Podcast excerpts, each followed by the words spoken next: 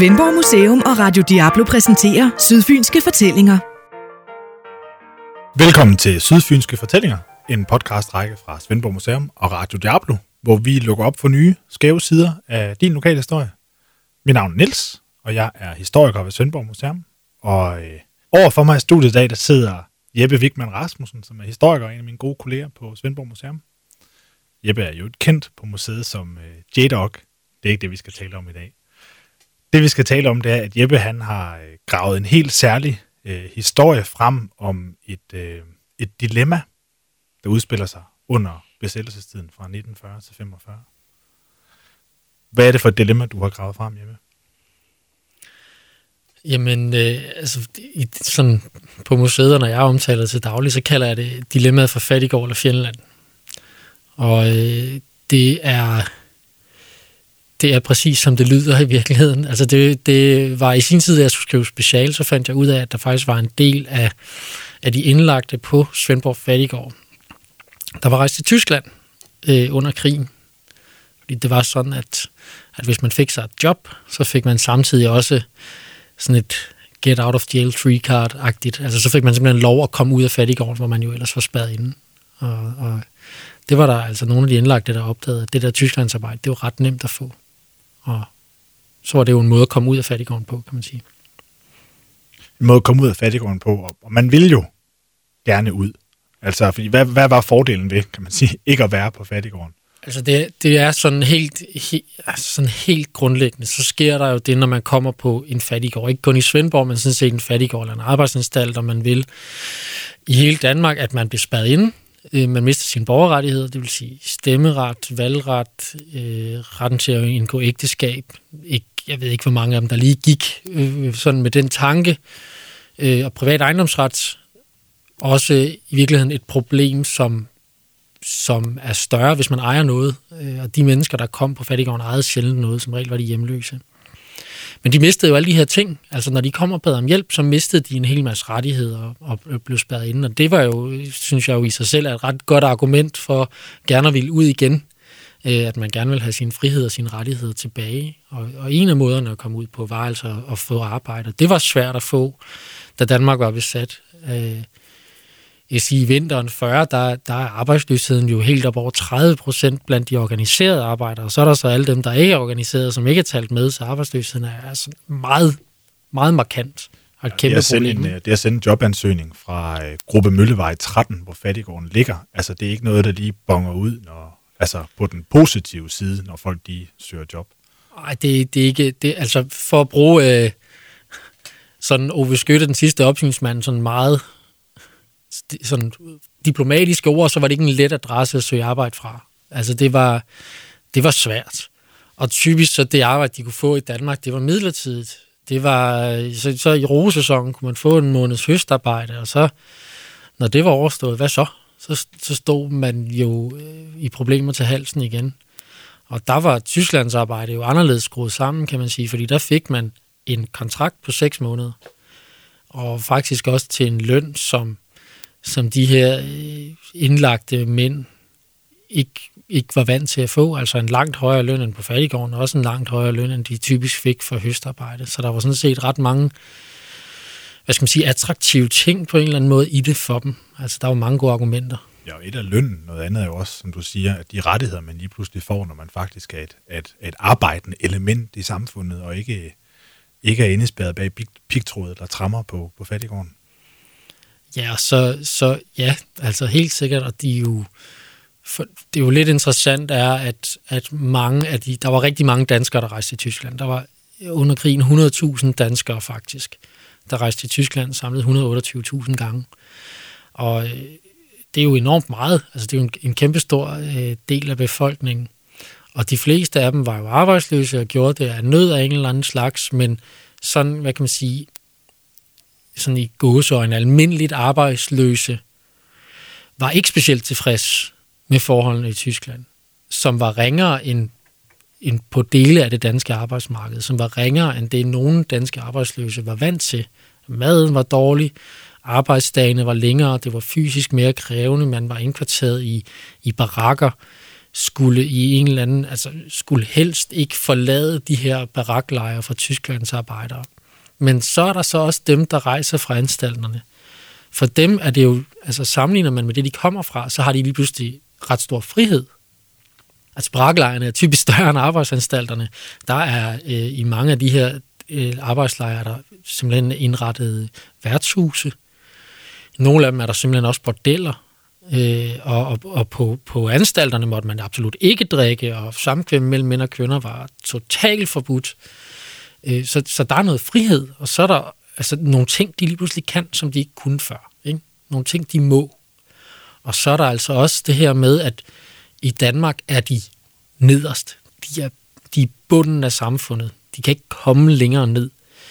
I Tyskland, der var danskerne altså øverst i det her hierarki. De var ikke sådan ligestillet tyskerne, men sådan i forhold til tvangsarbejdere og generelt fremmedarbejdere, der, der lå danskerne højt. Der var ja, de, danskerne er jo ejer, og det er, ja. det er dem, der kommer fra, fra fattigården jo også. Det er de jo også. også selvom de er lavest i hierarkiet heroppe, og i virkeligheden er, er måske er asociale, også efter nazisternes egen definition. Ikke? Mm. Men det der med at gå fra at være et uønsket element til faktisk at være et ønsket, altså, det må have været en særpræget Altså, det har da været specielt. Altså, det tror jeg, at nogen af dem egentlig har synes var rart. Øh, altså, for, for, for, for, flere af dem, der rejser fra, fra Svendborg, der er besættelsestiden den største arbejdsmæssige optur, de stort set har i deres liv. Altså, øh, der er jo flere af dem, vi sådan kan følge ret langt tilbage i tid, altså nærmest fra, fra fødsel til død. Og, og for nogle af dem, der er sådan et konkret eksempel kan være, kan være Albert. Øh, han, har, han er skibstømmer i starten af 20'erne, så bliver han skilt, og så har han faktisk ikke rigtig regel med sit arbejde. Altså han har øh, indimellem noget midlertidigt arbejde på nogle gårde og så videre, men, men, men da krigen ligesom bliver indledt, da Danmark bliver besat, der er det længe siden, han sådan har haft virkelig fast arbejde. Besættelsestiden bliver den længste sammenhængende periode for ham med regelmæssig arbejde og regelmæssig indtægt, hvilket jo er, er, er skrubskørt. Altså, så han har næsten to måneders arbejde, eller to, næsten to år samlet. Han har et år og ni måneder sammenlagt arbejde i Tyskland under besættelsen.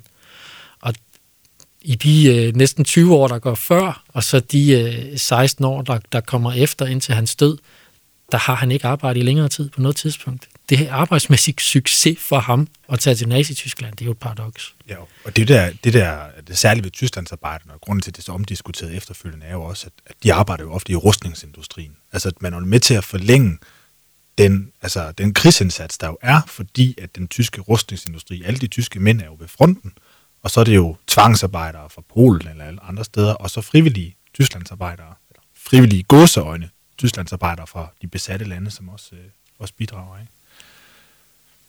Det, det gør de, og, det, og det, det får de også at høre for. Altså, der, der er jo især i, i, sådan i, i modstandsbevægelsen, og dem, der, der støtter modstandsbevægelsen, mener man jo, at, at Tysklandsarbejderne, som du siger, er med til at forlænge krigen, at de, de går nazisternes ærne, og det bryder man sig jo absolut ikke om. Øh, det, der så er i det, kan man sige, det er jo, at den danske regering og fagbevægelsen faktisk argumenterer modsat. Altså, at da man indgår den her aftale, ganske, ganske kort tid efter Danmark er besat, det vil sige, de første Tysklandsarbejdere rejser altså til Tyskland, de første danskere rejser til Tyskland allerede i maj 1940. Altså, Danmark har kun været besat en måned. Men, men regeringen og fagbevægelsen er jo meget klar over, at man har en meget høj arbejdsløshed. Den vil man jo gerne ligesom have afhjulpet på en eller anden måde. Og de ser jo en mulighed også. Så de argumenterer for det samfundsgavnlige. De opfordrer folk til De opfordrer folk til det. Hvis du tager arbejde i Tyskland, så gør du noget godt for Danmark. Og det, det, det er jo formodentlig også meget rart, tænker jeg, for de her øh, individer øh, fra, fra fattiggårdene arbejdsanstalterne at få at vide, hov, det er ikke kun mig selv, jeg gør nu. Altså, de kan måske lige ranke ryggen lidt ekstra. De gør faktisk også noget godt for Danmark.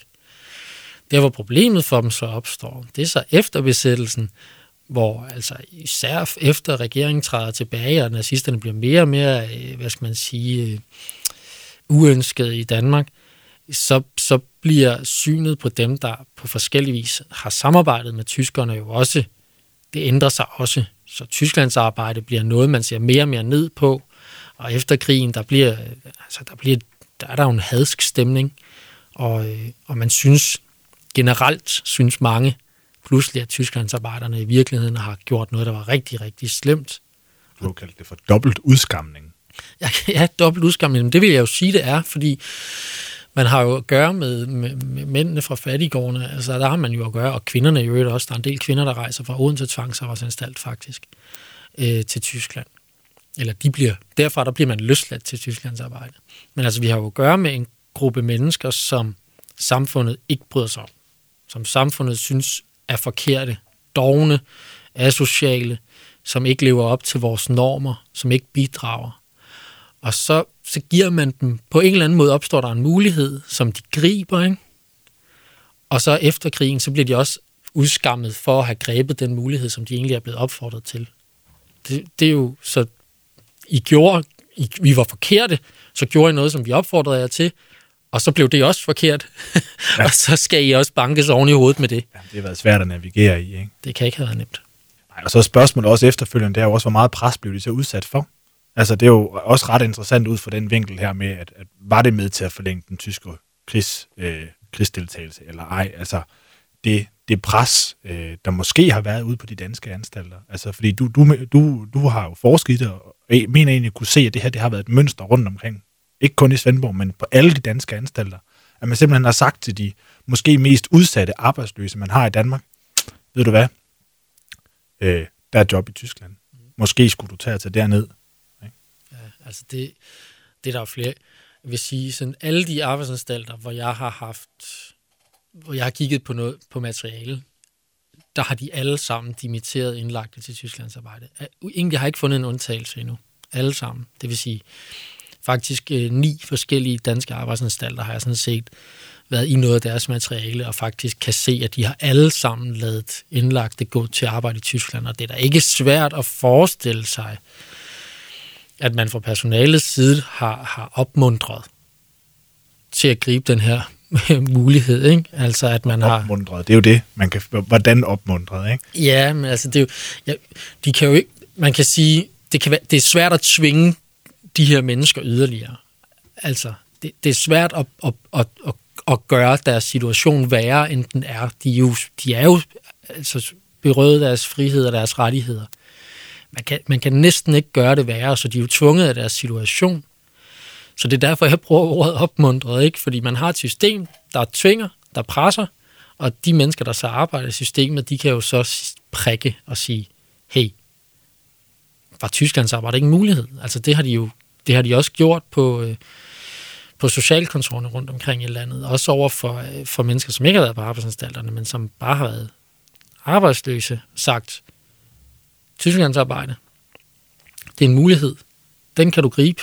Øh, du kan ikke få hjælp af os. Vi smækker kassen i. Der er mange Tysklandsarbejdere, der har sagt, at, at socialkontoren har sagt, vi vil ikke give dig hjælp, hvis ikke du tager til Tyskland. Men så er der så dem fra arbejdsanstalterne, som så ligesom har det ekstra lag at, at de også er spadet inde samtidig, ikke? Ja, og man siger, der, der har det jo, som du siger, også været, det har været et dobbelt dilemma. Altså, fordi du har haft et, altså, den frihed, man erhvervet ved at, at vælge fjendelandet til, og vælge fattigården fra. Men der er jo så samtidig også øh, mulighederne for egentlig at få noget, der næsten minder om permanent arbejde. Altså, øh, og, og få en, altså, højdepunktet af deres karriere. Nu, du har allerede nævnt øh, Albert, skibstømmeren der, men du har også øh, en skæbne mere med. Øh, altså, jeg har egentlig to, og jeg vil egentlig, egentlig vil jeg gerne fortælle om dem begge to, men, men, men også fordi det er to meget forskellige individer. Men altså, vi har, der er Charles, som er lokal. Han er, han er født og opvokset i Svendborg. Og han er, øh, han er faktisk en af dem, hvor, hvor man kan sige, hvor socialudvalget i byen, altså øh, et underudvalg til byrådet simpelthen siger, nu kan du ikke få hjælp mere. Hvis du vil have hjælp af os, altså af, af byen, så kan du få det op på anstalten. Så kan du gå op på arbejdsanstalten, altså, eller på fattigården, svømme på fattigård, så kan du få hjælpen der. Nu vil vi ikke give dig flere kontanter. Det er det igen. Så skal man lige forstå, det er jo så, mister du alle dine rettigheder, og så er det jo også hamrende skamfuldt. Meget. Så det er jo ikke bare, du kan bare lige gå derop. Det er, Det er det ikke for ham. hvis du går derop, så det er altså en social degradering, der vil noget. Ikke? Det er det, og, og, og det vil han ikke. Altså, man, man kan sige, altså, da han, får, da han får den besked, der har han faktisk lige været der. Han har faktisk lige været der i otte måneder. Og mens han har været der, har han gentagende gange skrevet breve til Socialvalget og sagt, må jeg ikke få lov at komme ud? Jeg vil gerne ud. Jeg, jeg tror, jeg kan få arbejde der og der og der, og hver gang har de ligesom afvist. Og så stikker han faktisk af. Så smutter han derfra. Så kan det også, hvis de ikke vil lade mig gå på, på, på lovlig vis, så smutter jeg. Ikke? Så det gør han, han stikker af. Og så da, efter han har stukket af, så skriver han et brev til dem igen. Ikke? Så skriver han til dem, nu sidder jeg her, øh, kan I ikke give mig nogle penge, så jeg kan klare mig? Og så siger de, nej, du kan gå tilbage på anstalten, der kan du få hjælp. Ikke? Og så skriver han under på en, Tysklands, altså på en, på en tysk arbejdskontrakt faktisk. Det gør han så ganske kort tid efter. Så der er han så, der står han lige præcis i det helt grundlæggende dilemma. Ikke? Du kan gå på fattigården, eller du kan tage den her kontrakt, fordi du får ikke nogen hjælp af samfundet ellers. Og så rejser han altså til Tyskland. Og han rejser så til Tyskland nogle gange, Charles. Og Charles, han er sådan en... Charles, han er sådan lidt sådan Storm P-typen. Altså, han er sådan lidt den der klassiske øh, drankertype i virkeligheden. Og sådan en, der er kendt i byen. Sådan en, som der jævnligt bliver klaget over. Altså lo- lokale borgere, som, som møder op på politistationen og siger, nu har Charles øh, gået i vejen for trafikken nede ved stationen igen. Kan I ikke gøre et eller andet? Ikke? Altså, og den anden dag, lille juleaften, der, der dropper der, lille juleaften i 1942, der lander der et brev på socialkontoret fra en kvinde, der har set Charles nede på havnen, hvor han var meget beruset og prøve at prø- forsøgte at cykle på en damecykel i den her tilstand. Og det synes hun altså lige, hun ville påpege, at det var jo ikke helt okay. Nej, også i hvis damecykel var det. Ja, hvis damescykel var det, og han, han, de smækker gentagende gange kassen i, fordi de, de, de jo godt kan se, at, at når de giver ham penge, så drikker han tit for dem. Altså tit så bruger han pengene for alkohol. Og det vil man jo ikke have. Men man har ikke anden hjælp at tilbyde ham. Der er ikke noget medicin, man kan tilbyde ham. Man har ikke anden hjælp at tilbyde ham, end at tage op på anstalten, hvor alkohol er forbudt. Så kan du gå derop. Og det vil han naturligvis ikke. Og blive tørlagt. Ikke? Så rejser han til Tyskland i stedet for. Der kan han ligesom så har han ligesom stillet dem tilfredse, og så kan han måske også få lidt til sig selv i virkeligheden. Ikke? Øh, og han, øh, han, han oplever så til gengæld noget meget voldsomt i Tyskland. Han overle- over, hvad hedder det, oplever, øh, at den lejr, han, han er i, i, øh, i, i, øh, i Hamburg, den bliver fuldstændig sønderbumpet. Altså han sidder simpelthen i et tilflugtsrum, og, og, og sammen med de andre arbejdere, hvor de simpelthen de kan høre de her bomber regne ned, ikke? Og da de så kommer ud af, af tilflugtsrummet, så er alt væk. Altså lejren er totalt raseret, alle hans ejendele er væk, og han har øh, jo haft noget arbejdstøj og nogle andre øh, små ting, som han har købt sig i, i, i Tyskland, mens han arbejder dernede, og det, dem vil han jo gerne have erstattet. Og han, han ligger måske også han ligger måske også lidt til. Altså, øh, det er lidt sjovt at kigge på hans, sådan, hans, hans, hans seddel med de ting, han har mistet, fordi der dukker lige pludselig et sæt søndagstøj op til 200 kroner, som han har købt sådan lige dagen inden bombeangrebet og sådan noget. Ikke? Så man, man kan godt måske, og det kan man måske heller ikke fortænke ham i, men man kan godt, man, det, det tyder på, at han... Jeg tænker, han har spekuleret lidt i forsikringssummen ja, han, han, han ville skulle lige have lidt, lidt ekstra ud af det, tror jeg. Men det har da også, formodentlig også været en temmelig voldsom oplevelse for ham. Øhm, problemet med de der erstatninger, det er, at de typisk er meget længe om at blive udbetalt.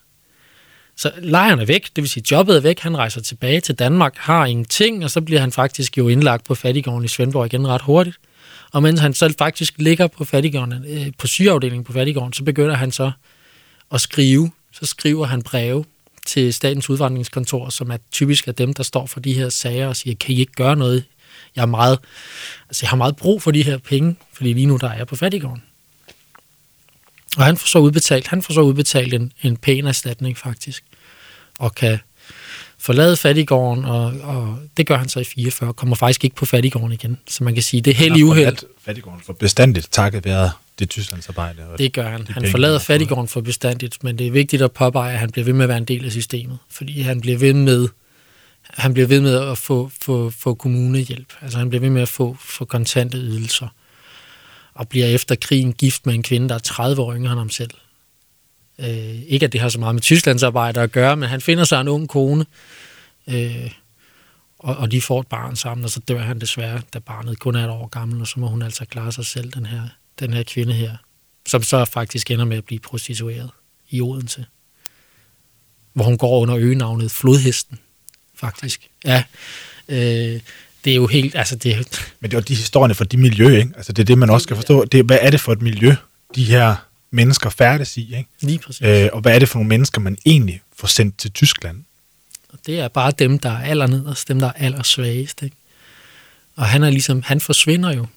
Der forsvinder jo, øh, hvad skal man sige, en del af hendes grundlag. Charles forsvinder, så står hun alene med det barn.